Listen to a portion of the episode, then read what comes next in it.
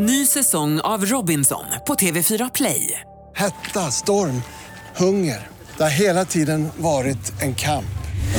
Nu är det blod och tårar. Fan händer just nu. Det. är Detta är inte okej. Robinson 2024, nu fucking kör vi!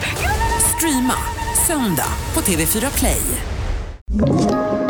Podplay. Att telefonbedragare hör av sig och försöker lura till sig bankuppgifter är dessvärre ingenting nytt. Men Daniel Eliasson råkade ut för en av de sämsta i branschen. Bedragarna var så dåliga på sitt jobb att han började driva med dem. Välkommen till ännu ett nytt avsnitt av den podd vi kallar Misslyckade brott. Och I Podplay studio sitter bankvalvet Andreas Utterström och Rysslandsfonden Mattias Bergman.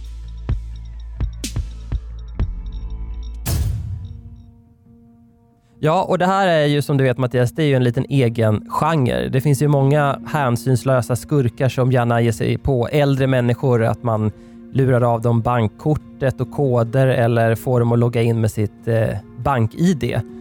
Och det finns ju ingen humor i de brotten alls. De är ju vedvärdiga de här människorna. Ja, det är de Som verkligen. lurar Och- gamlingar. Mm. Och eh, tyvärr så är det många som inte åker fast. Och det ty tycks heller inte spela någon roll hur många gånger bankerna än berättar för sina kunder att de aldrig ringer och ber om den här typen av uppgifter. Utan folk blir lurade ändå.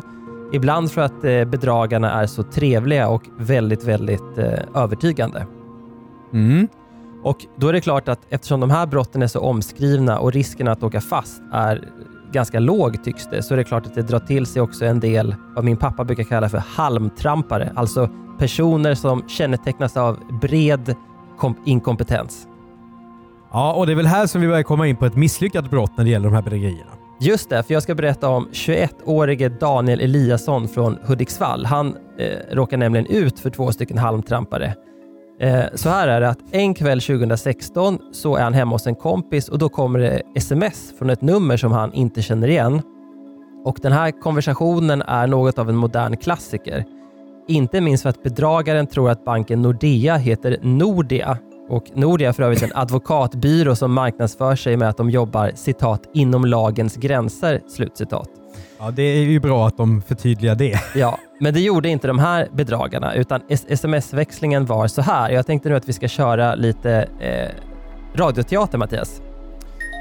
Hej, jag heter och sen står det ett namn från Nordea Bank. Behöver få din bankuppgift. Hallå? Absolut. Varför? Eh, jag måste skicka pengar till dig. Ska du skicka till mig? Ja kompis. Varför?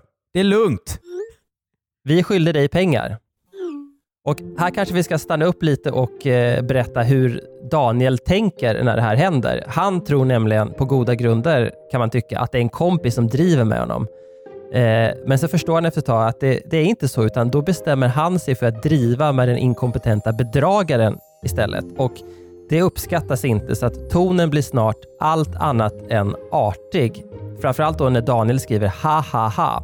För då svarar bedragaren så här. Vi skyllde dig pengar, vi behöver dina bankuppgifter. Nej. Jo, Har du lyckats lura någon så här? du vill inte ha pengar? Nej. Okej, fuck you jävla bög. Ja, jag ska aldrig mer höra av mig till dig. Jag försöker bara göra mitt jobb. Vi vill kontakta alla personer vi är skyldiga pengar. Men det ser inte ut som att du kommer få något. Ha en bra dag. Hälsningar Nordia. ja, där citerade jag Daniel alltså. Just det, och vad som händer sen då är att den här personen ringer upp Daniel och sen bryts samtalet. Och sen ringer det upp igen och då är det en person som säger sig då vara chef till mannen som har smsat och eh, är då upprörd för att Daniel har varit otrevlig mot hans anställda. Och eh, till slut så orkar Daniel inte spela, spela med längre utan han lägger ner. Ja, det kan jag förstå. Det börjar bli Ja, exakt. Ska vi, ska vi införa här att de här smsen är också skrivna på vad man kallar för Rinkeby-svenska? Det är De det. är oerhört illa stavade. Det är de. Men en stund senare så fortsätter den här eh, sms-växlingen och eh, då låter det så här. Vänta, jag ska ringa dig och skrika på dig för du låter inte mig göra mitt jobb. Hahaha, gör! Ring nu då. Vart försvann du? Jag kollar mitt abonnemang, tog slut. Vänta, jag ska fixa. Du ska få prata med chefen. Hej Daniel. Hejsan. Det är, och så står det ett namn. Har du förstått nu att problemet är att vi måste ge dig pengarna? Ja, och sen fortsätter det sådär. Och eh, Daniel han tyckte att det här var så roligt så att han la upp den här konversationen i sociala medier och eh, den upptäcktes snart av eh, gammelmedia som intervjuade honom och eh, Daniel fick berätta om det som hade hänt. Eh, men Ja, det, är ju, det här är ju så viralt så att det, det är ju något fantastiskt faktiskt. Just det. Och vilka som låg bakom den här misslyckade bluffen, det är okänt. Men Daniel hade nog helt rätt när han till Aftonbladet sa Det här måste vara Sveriges sämsta bedragare. Klassiska misslyckade brottslingar och dessutom med lite medeltida touch kanske. I Podplay-plattformen där misslyckade brott finns, de långa avsnitten alltså. Du har hört ett kortavsnitt av Misslyckade brott av Andreas Utterström och Mattias Bergman. Exekutiv producent och gonggong-effektläggare är Jonas Lindskov. Vi gör för Podplay även poddarna Misslyckade affärer, Misslyckade makthavare och Jag var där. Normalt sett kallar vi oss för commercial content och gör då podden världens bästa innehåll. Tipsa oss gärna om andra misslyckade brott som vi kan prata om i podden till misslyckade@bplus.se. Och betygsätt och skriv gärna lite recension, bra eller dålig, av misslyckade brott så är det fler som hittar till podden.